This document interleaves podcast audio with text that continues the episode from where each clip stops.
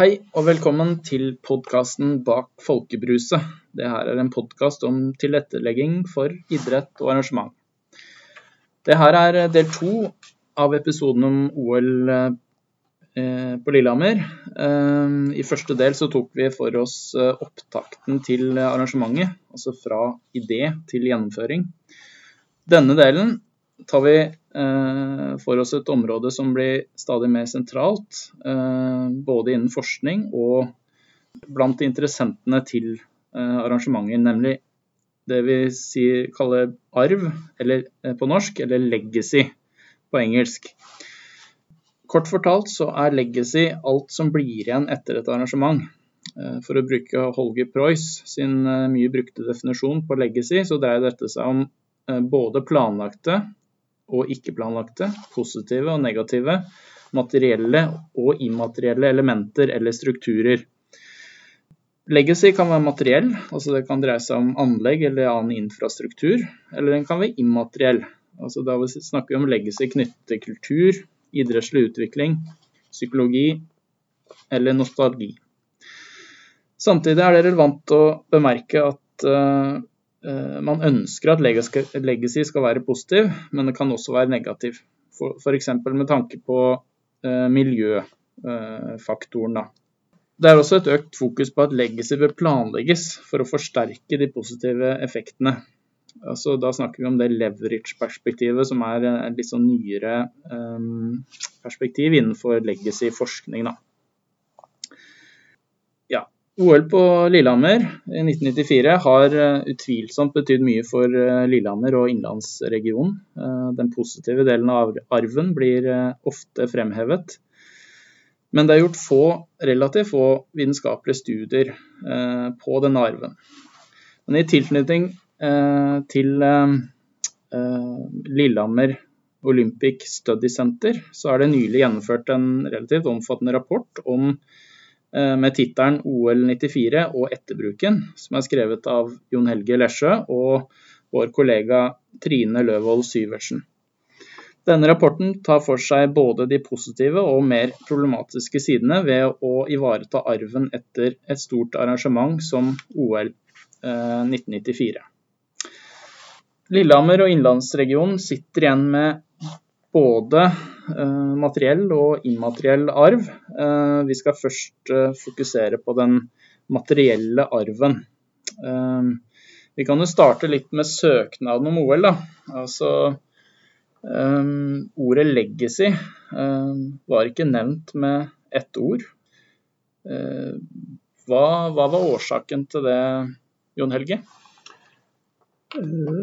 Det er vel uh, to ting å si om det. det. På den ene siden så var det som begrep uh, fortsatt ikke aktivisert innenfor det vi kunne si var OL-feltet, altså dette å søke om OL.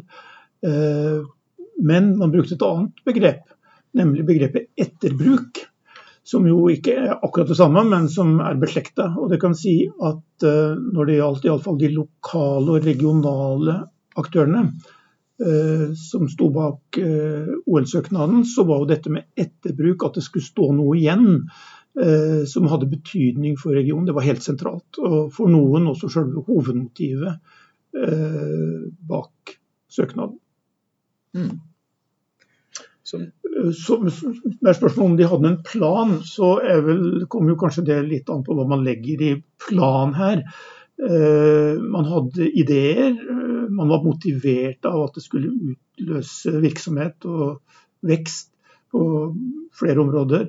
Eh, men en mer sånn formell etterbruksplan kom jo først eh, etter man hadde fått tildelt arrangementet. Eh, og da også som en oppmuntring, kanskje et pålegg fra Kommunal- og regionaldepartementet, som ga noen føringer på hvordan en sånn plan skulle være. Og det ble utarbeida av Eh, en seksjon innenfor eh, OL-selskapet. Mm. Så man hadde noen tanker, eh, ikke i søknadsprosessen, men etter hvert så kom det noen tanker om, hvordan, om etterbruken. Og også noen tanker om, om påvirkning på, i forhold til reiselivet. Det var jo noen reiselivsaktører som, som var med på å ta initiativ til, til å søke om OL. Um, I deres rapport så skriver dere uh, at i etterkant av lekene, da nå, går vi, går vi, nå, er vi ferdig med, med, med selve arrangementet. Og, og, i etterkant så ble det store materielle verdier overført fra staten til ver, altså vertskommunene og, og, fylkeskommunene, som da var, var Oppland og Hedmark. Eh, hvilke materielle verdier er det vi snakker om? Eh, og, og hva var, de var, den viktigste materielle arven etter OL 1994? Hva som er viktigst, det kommer selvfølgelig an litt på øynene som ser her. Men eh, det var jo investert 10 milliarder 1991-kroner omtrent i regionen i løpet av et forholdsvis kort tidspunkt. Da utgjorde jo Eh, mye av dette eh, kan du si ikke er investeringer. Da. Det var jo et stort driftsbudsjett for, for selve OL også, men det var mange milliarder som ble eh, investert. Deriblant over en milliard i idrettsanlegg. Så idrettsanleggene var jo en viktig materiell eh, arv, kan du si. da. I tillegg så kommer det jo utdannings- og kulturinstitusjoner. Eh, F.eks. et nytt kunstmuseum i Lillehammer. Eh, en utbygging på Maihaugen. Man tenkte først at man skulle ha et eget kulturhus, men det ble kobla til eh, Maihaugen med en ny konsertsal og en betydelig oppgradering av Maihaugen. Man fikk oppgradert det som Kulturhuset Banken i Lillehammer sentrum. Og man fikk også, det var helt klart helt fra starten av, Eh, en av de planene som ikke ble endra i løpet av prosessen, nemlig at eh, den daværende distriktshøyskolen, den nåværende høyskolen eh, i Innlandet da, på Lillehammer, skulle være etterbruker som det het, av radio- og TV-senteret. Og så var det også bygd et pressesenter som skulle ha etterbruk. Og så var det selvfølgelig også en del overnattings kapasitet som ble utbygd. Noe var midlertidig, provisorisk, som ble flytta etterpå, mens noe var også permanent, som ble bygd til studentboliger f.eks. Og så var det jo en del av investeringen som lå under jorda. Eh, Vann, kloakk, og det var veier, og disse lå jo der ikke sant? som en materiell arv etter OL var avvikla. Mm. Og, um, og, nå er vi inne på noe som er, um, er sentralt. da, altså uh, hvordan ble disse, disse, denne infrastrukturen, disse anleggene, denne infra, infrastrukturen overført fra staten til eh, lokale og regionale aktører? Eh, kan du si litt om det? Jeg kan godt uh, ta for deg både, både Lillehammer og Gjøvik og, og, og, Hamar. Ja. Eh, noe kan kanskje først si det, noe ble jo værende på statens hender. Eh, F.eks. Eh, det som var eh, investert i riksveier og utbedring av det f.eks. Det var jo eh, Statens vegvesen som fortsatt forvalta. Og når det gjelder det som gikk til høyskolen, så er jo det en statlig institusjon som, som, på en måte var plassert der fra før. Så det ble ikke definert som et etterbruksproblem, for der hadde du en klar etterbruker. Når det gjelder kulturinstitusjonene, så var det jo en offentlig stiftelse når det gjaldt museer, de Lillehammer museum i dag. da og, og kommunen. Lillehammer kommune som, eh, som uh, tok over. Uh, så det som ble sett på som si, krevende eller utfordrende, det var på den ene siden idrettsanliggende. Og det var også det såkalte pressesenteret. Der det ikke var noen klar etterbruker på, på forhånd. da. For å ta det siste først, så, så var jo det mange aktørgrupper i næringslivet som har vært inne. Eh, og Etter hvert så gikk også Siva, statens industrivektsanlegg, inn og tok ansvar for pressesenteret og fikk inn mange, la mange næringslivsbrukere og en del offentlige institusjoner også, og fikk fylt bygningsmassen. da. Og Nå har det tatt over av et privat eiendomsselskap og, uh, som, som, har ansvar for bygget og de aktivitetene som, og eh, at aktivitet der da. Når det gjelder idrettsanleggene, som det har vært mye fokus på, så var det jo situasjonen sånn at uh, det var etablert selskaper som skulle drive dem allerede før OL. Som da var datterselskaper av det store OL-konsernet fram til 94. Men eh, allerede året før, også for noens vedkommende to år før OL, så ble det formelle ansvaret for dem overført til mer lokale aksjeselskaper. Eh, på Lillehammer, eh, på Gjøvik eh, og på Hamar. Og de er på en måte kommunalt eid.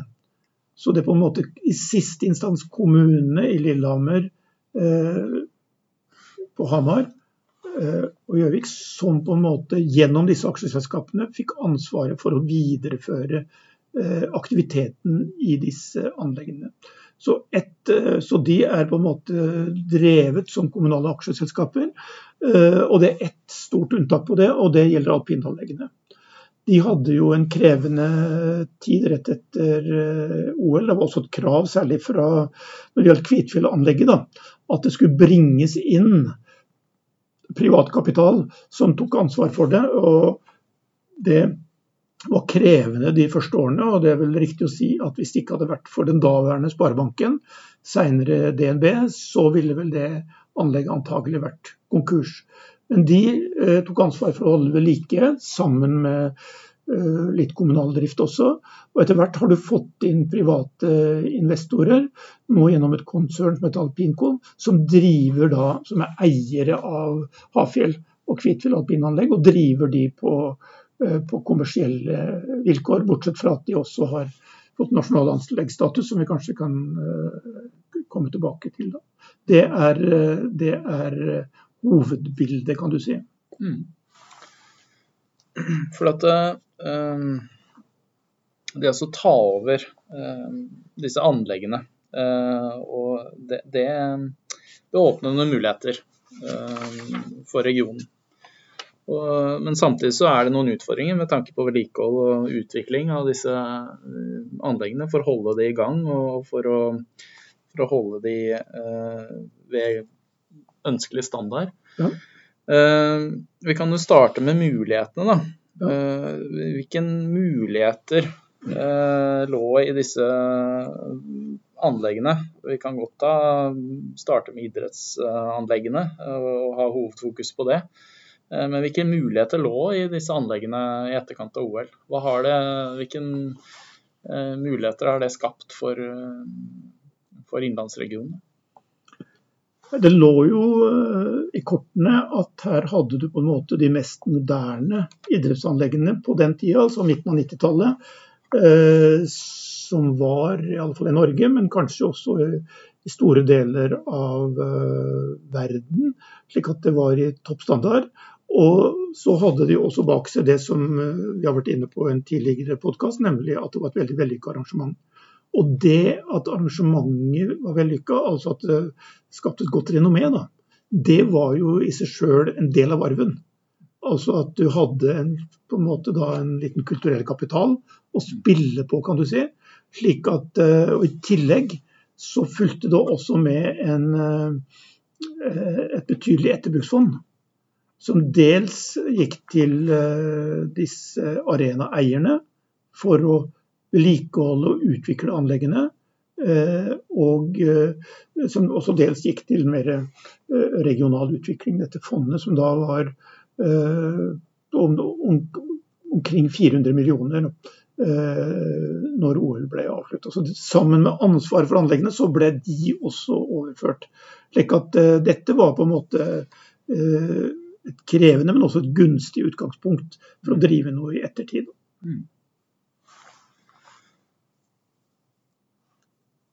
Kan, kan, du si litt om, eh, om eh, de andre anleggene? Altså det de, de, de som ikke har noe med idrett å gjøre? Når det gjelder kulturanleggene, ja. så ble jo det et offentlig eierskap, eh, dels Lillehammer kommune, som på en måte fikk oppgradert anlegg som de veldig gjerne ville ha, som de ved hjelp av Ola-arrangementet fikk realisert. Og når det gjelder Kunstmuseet så var det også en verdifull tilvekst i byen og en oppgradering, men der du hadde en offentlig stiftelse. At eh, driften av det måte, hadde jo de utfordringer som, som vanlige sånne institusjoner har, men som, som ble sett på som, eh, som overkommelige. Eh, det mest krevende var kanskje det omtalte pressesenteret, som, som vi har vært inne på. Og så hadde vi da, når det gjaldt overnattingsdelen, da, så var jo en del av det som ble gitt til studentsamskipnaden på Lillehammer og brukt av studenter. Eh, og så var det noe av det som også var plassert i Hafjell-området, og som ble uh, brukt til å bygge ut den reiselivsdestinasjonen som etter hvert ville utvikle seg der, da, som vi kan komme tilbake til, men som lå der. Mm. Da kan vi også Mm, ta for oss uh, hvilke utfordringer, da. Nå har vi snakka litt om hvilke muligheter for, uh, disse, som lå i disse anleggene. Hvilke, hvilke utfordringer uh, fikk lokale og regionale myndigheter ved å ta ansvar for disse, disse anleggene? Det som skjedde etter 94, hva kan du si at du gikk fra en ekstraordinær situasjon til en mer normal driftssituasjon for, og anleggsutviklingssituasjon for norsk idrett. Det ekstraordinære eh, mellom eh, 1989-90 til 1994 uh, til arrangementet var avvikla, var at staten tok et veldig stort ansvar, og sin helhet i finansielle ansvaret. Den situasjonen var ekstraordinær, og det var også annonsert på forhånd at staten ville trekke seg ut. At, at da var det det lokale og det regionale som hadde ansvar for det. Og da var du over i en normal situasjon der som alle på en måte eh, idrettsanlegg i Norge har. Hvordan skal du skape aktivitet, hvordan skal du skape økonomi i det. Og det spesielle her var jo at du satt med anlegg som på en måte Jo, de var moderne, de var fine, men det er klart at de var også dels overdimensjonerte ut fra lokale og regionale behov. Mm. Så du var på en måte det ble skapt en slags stiavhengighet, der du var avhengig av på en måte å få aktivitet utenfra, konkurranse utenfra, eller eventuelt også midler utenfra, for å holde like. Og det eh, var jo i utgangspunktet krevende. Eh, og da hadde de god hjelp av disse etterbruksfondene. Men de var planlagt å, skulle vare i 20 år, og det har de jo stort sett også gjort. Men når de var tomme, så var jo utfordringen ekstra stor. Kan du si, si, litt mer om det etterbruksfondet og hvordan det fungerte, og, og, og, litt mer om hva som skjedde når dette etterbruksfondet gikk tomt i, i rundt 2014? Uh, de etterbruksfondene da ble uh, fordelt mellom de ulike anleggsansvarlige, med ett unntak. Uh, alpinanlegget i Hafjell fikk ingen andel av det. De skulle drives på rent kommersielle vilkår. Eh, og det er klart at alle disse idrettsanleggene, nå ser litt bort fra, fra alpinområdet, som jo også hadde sine store problemer i starten for å få det til å gå rundt. Eh, men de andre anleggene de, de har jo ikke noen sjanse til å gå med overskudd eller i balanse. Og da ble jo fondet i disse årene brukt til å dekke driftsunderskudd. Og når det fondet er brukt opp, så må hun jo skaffe andre kilder.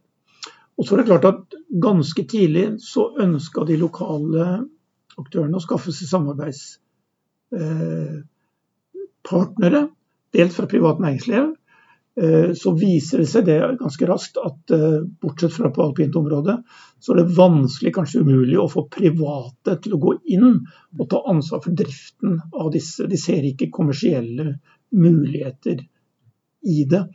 Eh, det er det, det er det, ene, og da går man til staten igjen.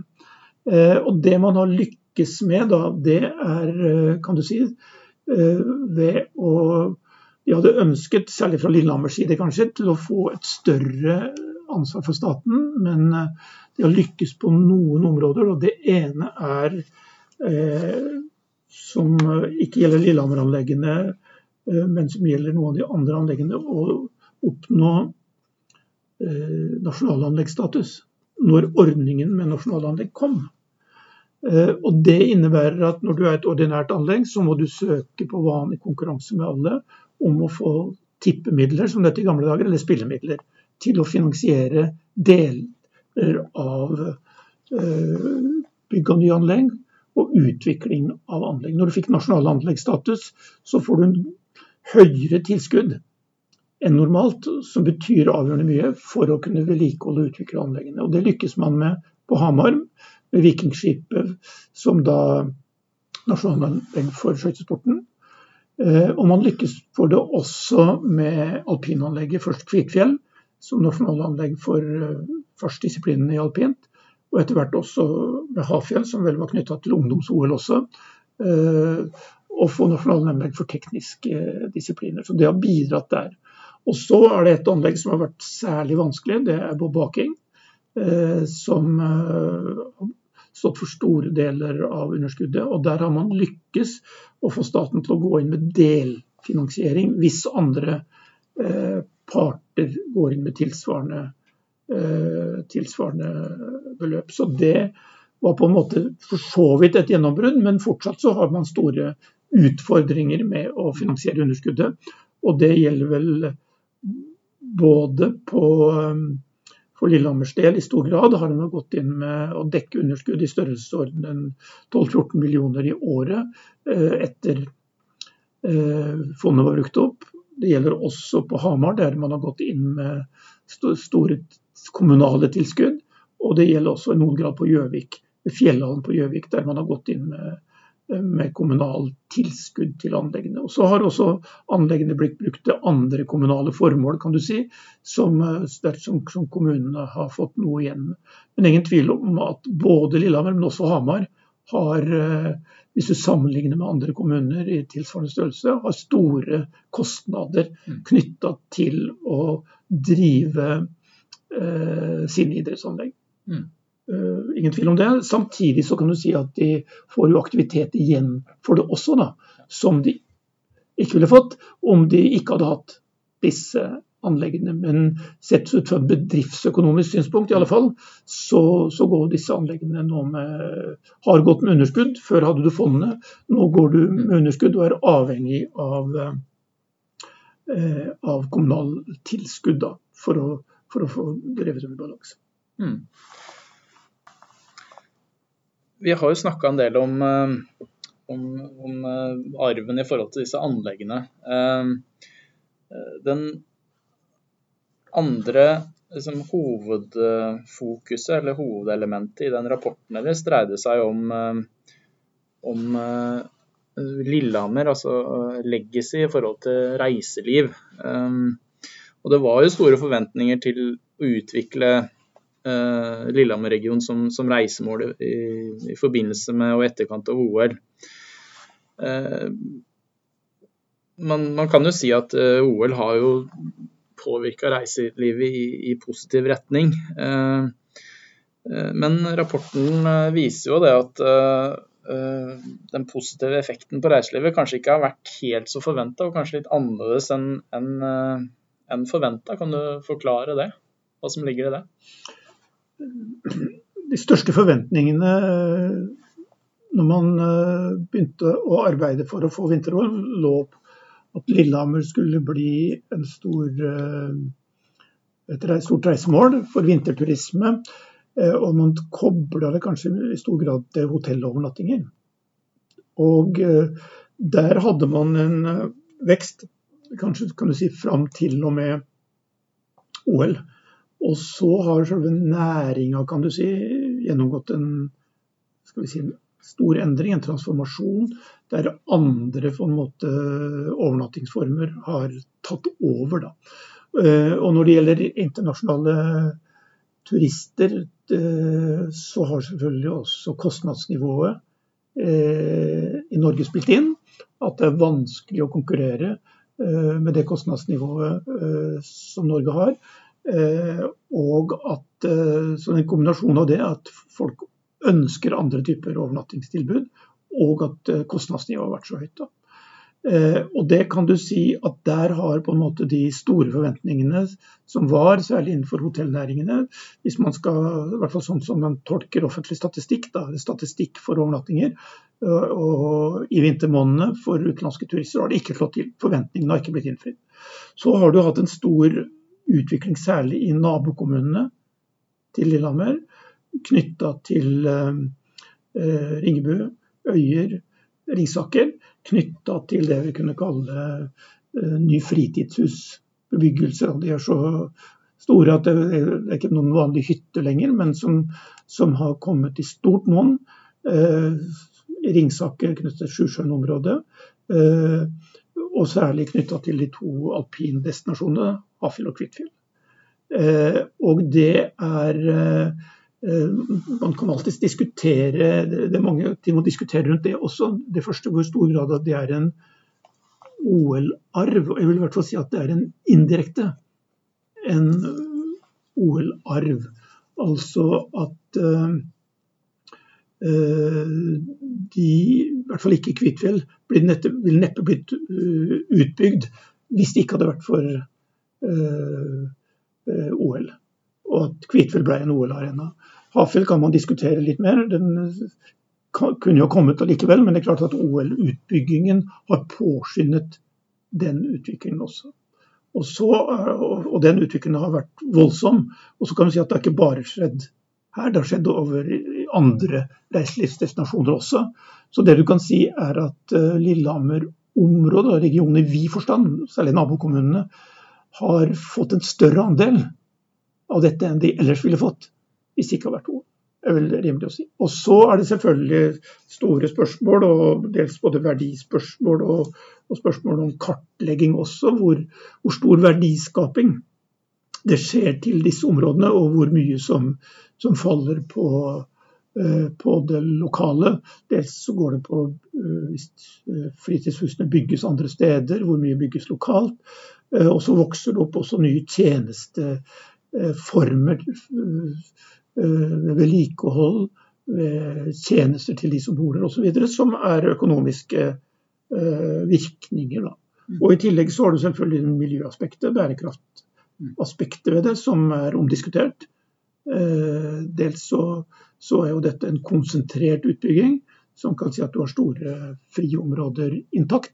Samtidig så går du der også på noen Er det omdiskutert hvor grensene skal gå for denne, for denne utbyggingen.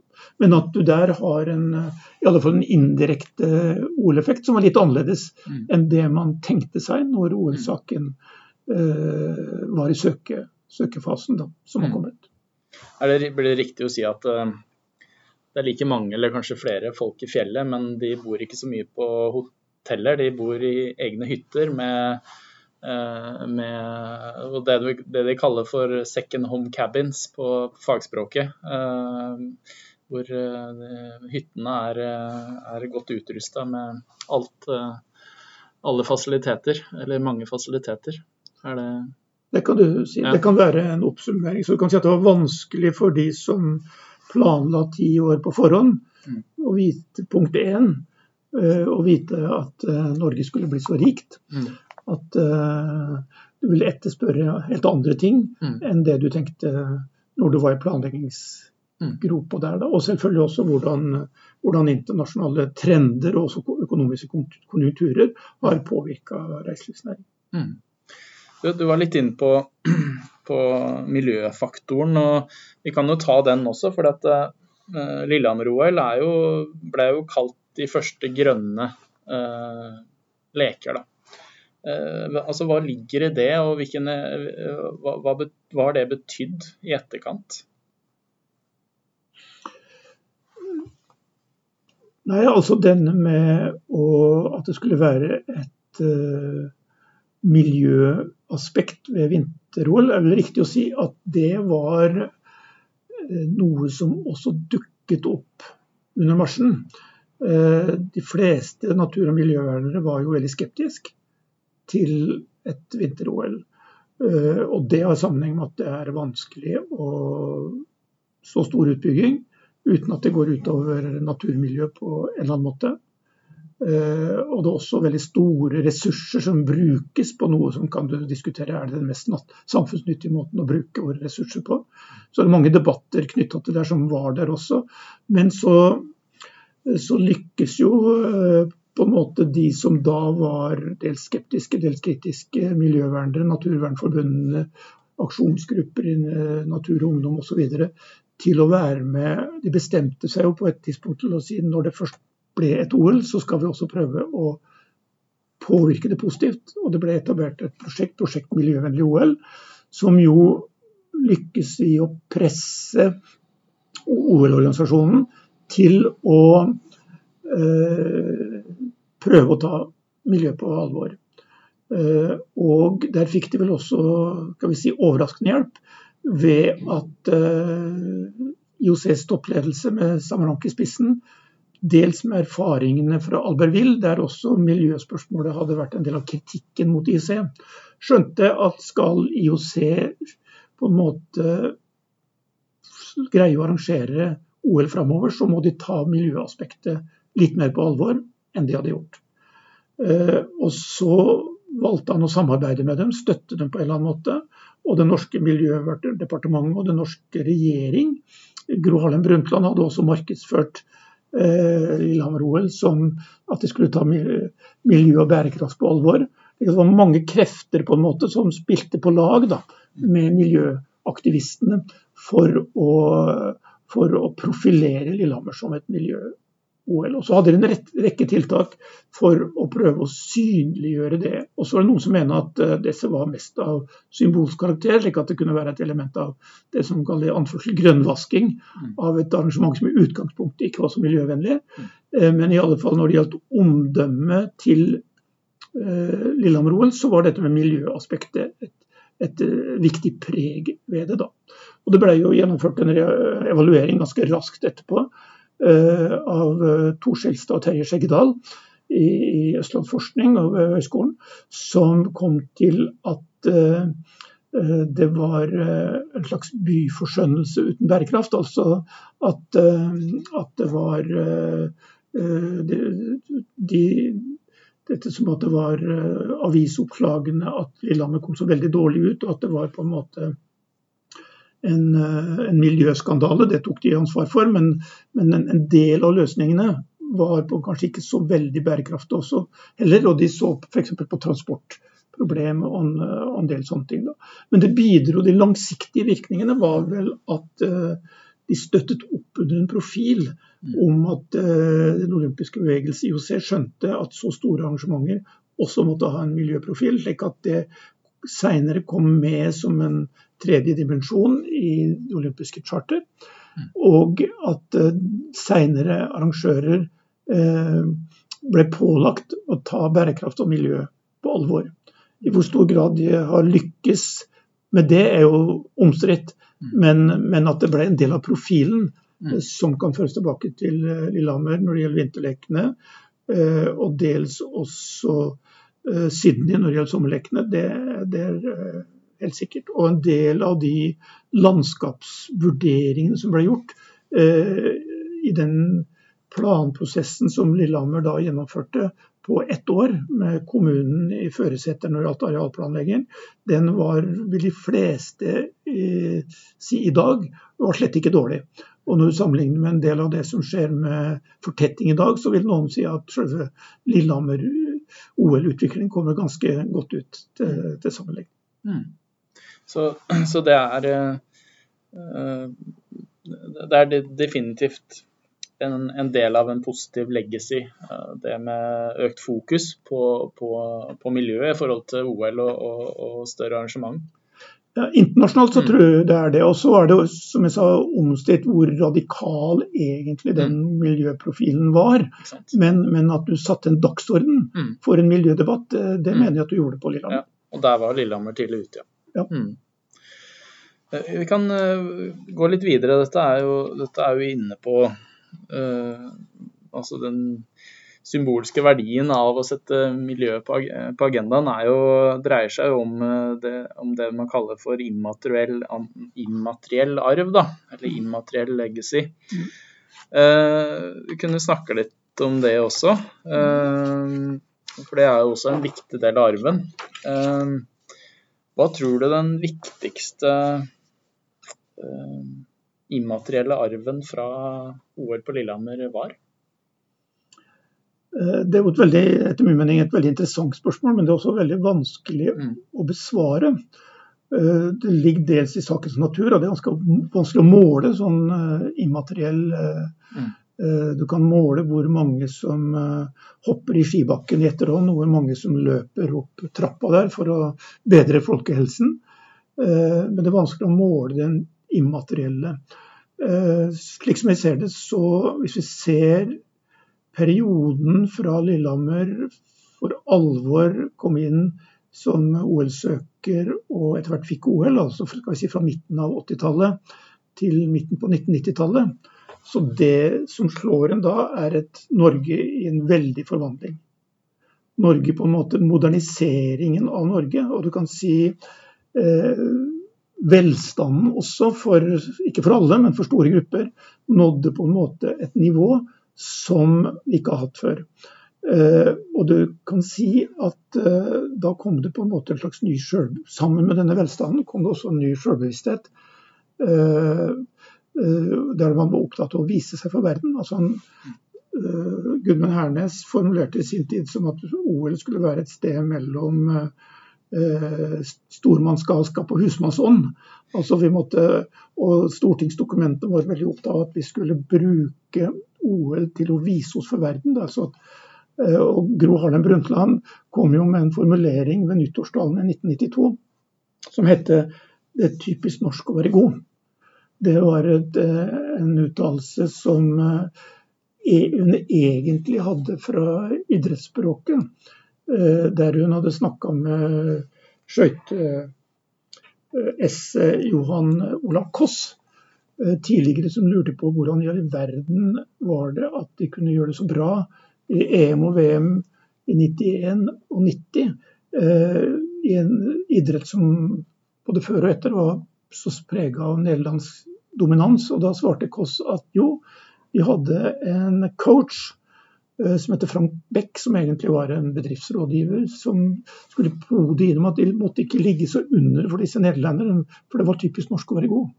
Og det var et uh, slagord som Gro falt for, og som gjorde det til et tema i sitt, uh, sin nyttårstale uh, 1.1.1992, for å på en måte å stimulere til dristig tenking uh, om norsk næringsliv, norsk samfunnsutvikling osv. Uh, og du kan si at det å skape vinnere, enere, på en måte blei også en del av en slags kultur. Mm. Eh, og noen mener at eh, typisk norsk å være god var også typisk norsk å være sjølgod. Eh, og at det ble vel mye sånn nasjonalisme knytta til eh, forbindelse med OL og markeringene der. Og det var også en forskergruppe i Trondheim knytta til eh, Arnulf, sosialpsykologen Arnulf Kolstad, som mente å ha kartlagt at uh, denne oppkjøringen til OL, så blei vi mer uh, nasjonale enn internasjonale. Som egentlig skulle være uh, på en måte det olympiske ideer, da. om det er riktig, om det er fanga opp noe substansielt riktig, det, det har ikke vært mange andre undersøkelser. Det er vanskelig å si sikkert, men og det er også grunn til å spørre hvor dypt denne nasjonalismen knytta gjennom idretten stikker. Men jeg, jeg, tror på en måte at OL ble et symbol mm. på et Norge i forvandling. Mm. Eh, Norge var noe annet på midten av 90-tallet enn det var på slutten av 70-tallet og utover på 80-tallet. Og OL på en måte blei en symbol på den utviklinga, eh, også når det gjaldt mentalitet. Mm. Ja da. Man har jo i hvert fall sånn I idrettssammenheng så har man jo sett at den der suksessen har jo egentlig bare fortsatt eh, etter eh, OL eh, på Lillehammer. Og... Nettopp. Og der er det selvfølgelig helt opplagt at det ligger noen materielle forutsetninger i mm. bunn. Mm. Altså, og der bidro jo Lillehammer-OL med konkrete bevilgninger til det som ble Olympiatoppen etter hvert. Mm. Og det var en slags unik kobling av si, kompetanse, erfaringsbasert kompetanse også, og vitenskap, og ikke minst økonomiske ressurser til å satse, mm. som ga store resultater. Hadde en materiell basis men som også kanskje har endra mentalitet mm. på hva det vil si å hevde seg internasjonalt, som har hatt virkninger seinere. Og det er klart at det var ikke Lillehammer-OL som skapte dette, men det var en samtidighet i tid og en, eh, en overrisling også fra, fra Lillehammer-OL, vil jeg tro. Mm. Hvis man eh, ser ut, utover det idrettslige, da. altså Eh, man kan jo si at, at eh, Lillehammer-OL virkelig satt Lillehammer, men også Norge på kartet. Reiser man til utlandet, så har de hørt om Oslo og Lillehammer. Hva, hva, hva tenker du kan ta, for, ta først liksom, hva, hva Lillehammer-OL har betydd for, for, Lillehammer og Norges status internasjonalt. Da. Kan du reflektere litt om det? Altså det, det, er jo åpenbart at navnet har blitt kjent på en måte som det ellers aldri ville blitt. Og navnet for de fleste du snakker med, tror jeg, også har positive assosiasjoner. Mm. Knytte noe positivt til det. Mm.